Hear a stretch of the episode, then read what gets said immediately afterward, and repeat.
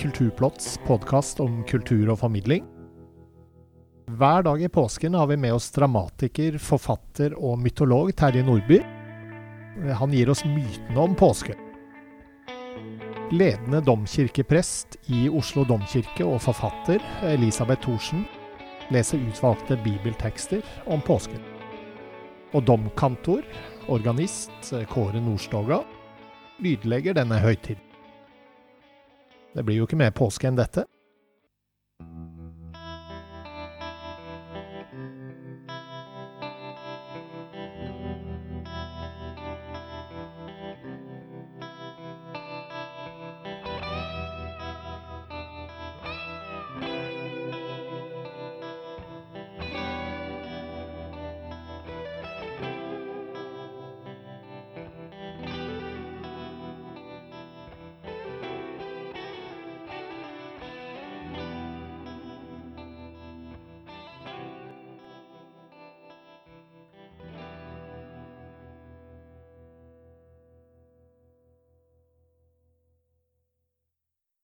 I dag er det andre påskedag. Det er en fridag som ikke så mange land har. Eh, som nordmenn gjerne bruker til skiløping og, og koser seg litt. Eh, og det ser du nærmere på i dag, Terje. Ja da, jeg snakker litt om, eh, spesielt om skiløping. Eh, ikke fordi at man gikk mer på ski akkurat annen påskedag, men fordi at det er en, en tradisjon som er blitt en norsk påsketradisjon. Og den har også sin historie. Og så er det jo dagen hvor vi, hvor vi avslutter denne lange påskeferien. Og det er sant, vi har, vi har sammen med et par andre land verdens lengste påskeferie. Så nå er det vel på tide at den tar slutt. Terje Nordby leser skiløping, klasseforskjell og helligdager. Skiløping er den mest nasjonale av alle norske idretter. Intet herder musklene og gjør legemet så kraftig og spenstig som den. Intet gir snarrådighet og behendighet bedre enn den. Intet herder viljen og gjør sinnet så friskt som skiløpingen. Det er noe som utvikler ikke alene legemet, men også sjelen.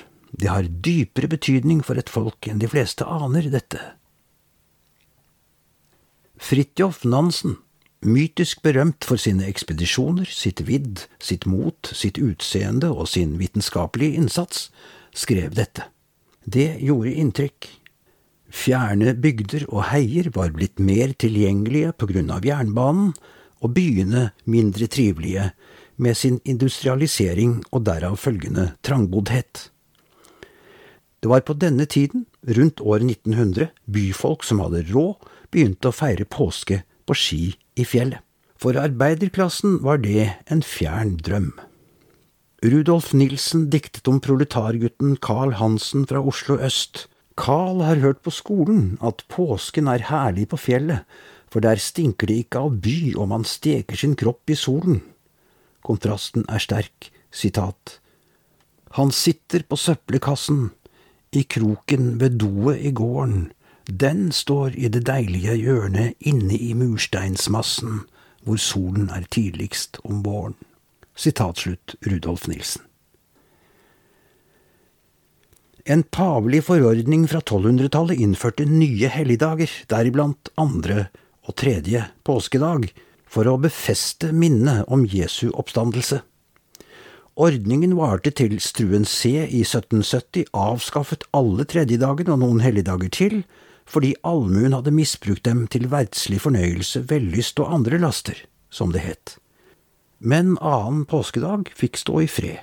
Vi har, sammen med Danmark og Island, verdens lengste påskeferie. Annendags påske har brakt få tradisjoner med seg, men tingbøker kan berette om drikking, slagsmål og overfall denne dagen. Vel nettopp en av Struensees begrunnelser for å redusere hellige dages misbruk. I vår tid er vi i dag ikke mer voldelige enn ellers, men kanskje slitne av skigåing, overmette av godteri, påskenøtter, slektninger og forutsigbar krim. Halvparten av oss har vært på hytta. En av fem har besøkt venner eller familie. En av tre har vært hjemme. Vi har spist 15 millioner Kvikk Lunsj, 20 millioner appelsiner, en overveldende mengde sjokoladeegg og den slags rekord i år igjen. Så glupske er vi på påskegodteri at handelsstanden har satt opp prisene tre til fem ganger mer enn på andre matvarer de siste 15 år, og vi har ikke engang merket det. For Carl Hansen sitter ikke i dokroken i bakgården lenger, han sitter i bil, på vei fra hytta, og banner over køen. Og sender kanskje en medlidende tanke til naboen fra Somalia, som ikke har hytte, og aldri har gått på ski. Da er vi framme ved siste dagen av påskefortellingen. Eh, prest og forfatter Elisabeth eh, Thorsen eh, leser for oss, og noen ord om den siste teksten, Elisabeth? De som har fulgt lesningene, ble kanskje overrasket over slutten på påskefortellingen hos Matteus. Fordi den slutter jo med de setningene vi gjerne leser, eller som vi alltid leser, når det er barnedåp. Og det er også slutten på Matteusevangeliet. Det slutter med 'gå derfor ut og gjør alle folkeslag til mine disipler'. Så for ikke å hente inn en ny evangelist, så gikk jeg tilbake til Det gamle testamentet, til profeten Jesaja, som har en fin tekst som jo kan fungere, og som fungerer, som en oppsummering av påskebudskapet. Og som hører med til de tekstene vi leser gjennom disse dagene i kirkeåret. Da hører vi siste del av Elisabeth Thorsen. Hvem trodde budskapet vi fikk? Hvem ble Herrens arm åpenbart for? Han skjøt opp som en spire for hans ansikt, som et rotskudd av tørr jord. Han hadde ingen herlig skikkelse vi kunne se på, ikke et utseende vi kunne glede oss over. Han var foraktet, forlatt av mennesker, en mann av smerte, kjent med sykdom en de skjuler ansiktet for. Han var foraktet, vi regnet ham ikke for noe.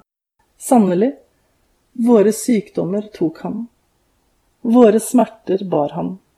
Vi tenkte, han er rammet, slått av Gud og plaget. Men han ble såret for våre lovbrudd, knust for våre synder.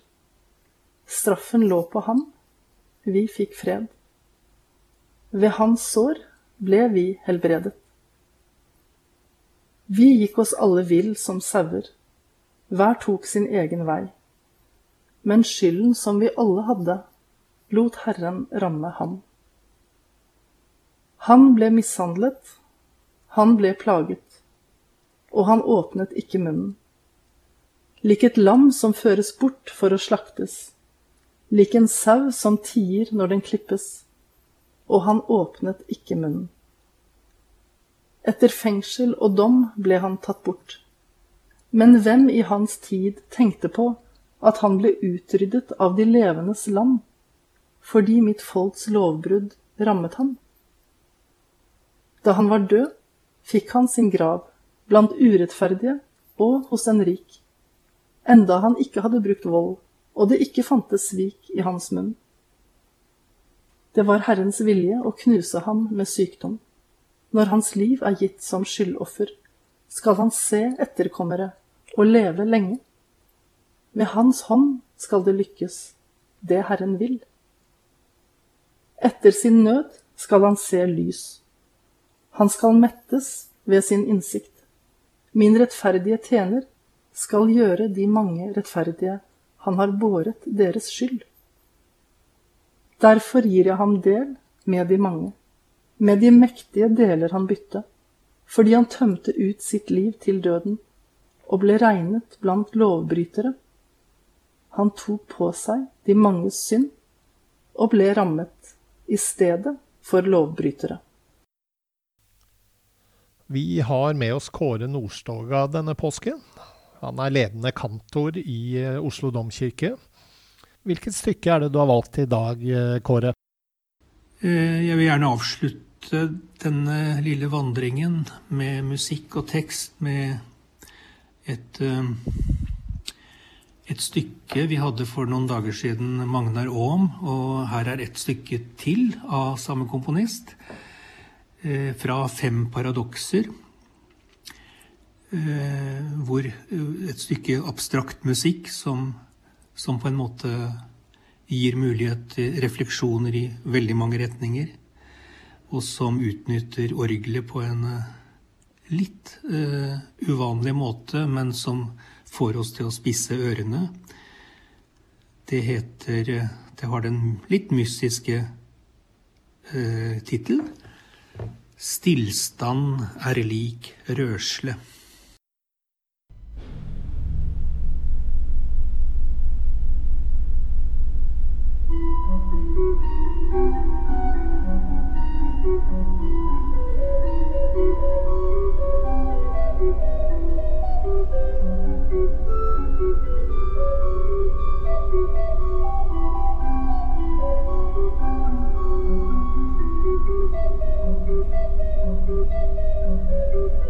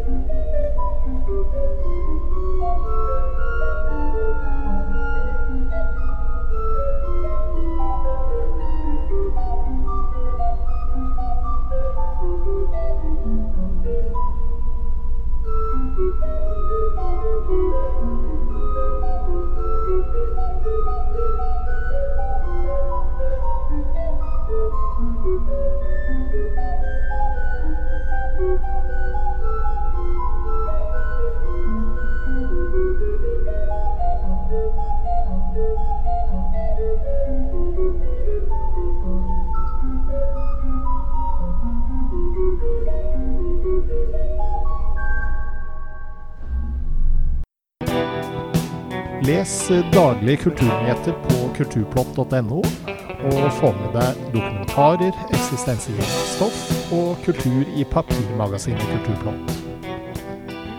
Plottet var ved programleder og teknisk ansvarlig Bård Andersson. For dere som er med oss og lytter til Påskeplottet, har vi et spesialtilbud på abonnement. For tre måneder betaler du bare 99 kroner. Gå inn på kulturplott.no og prøv, da vel.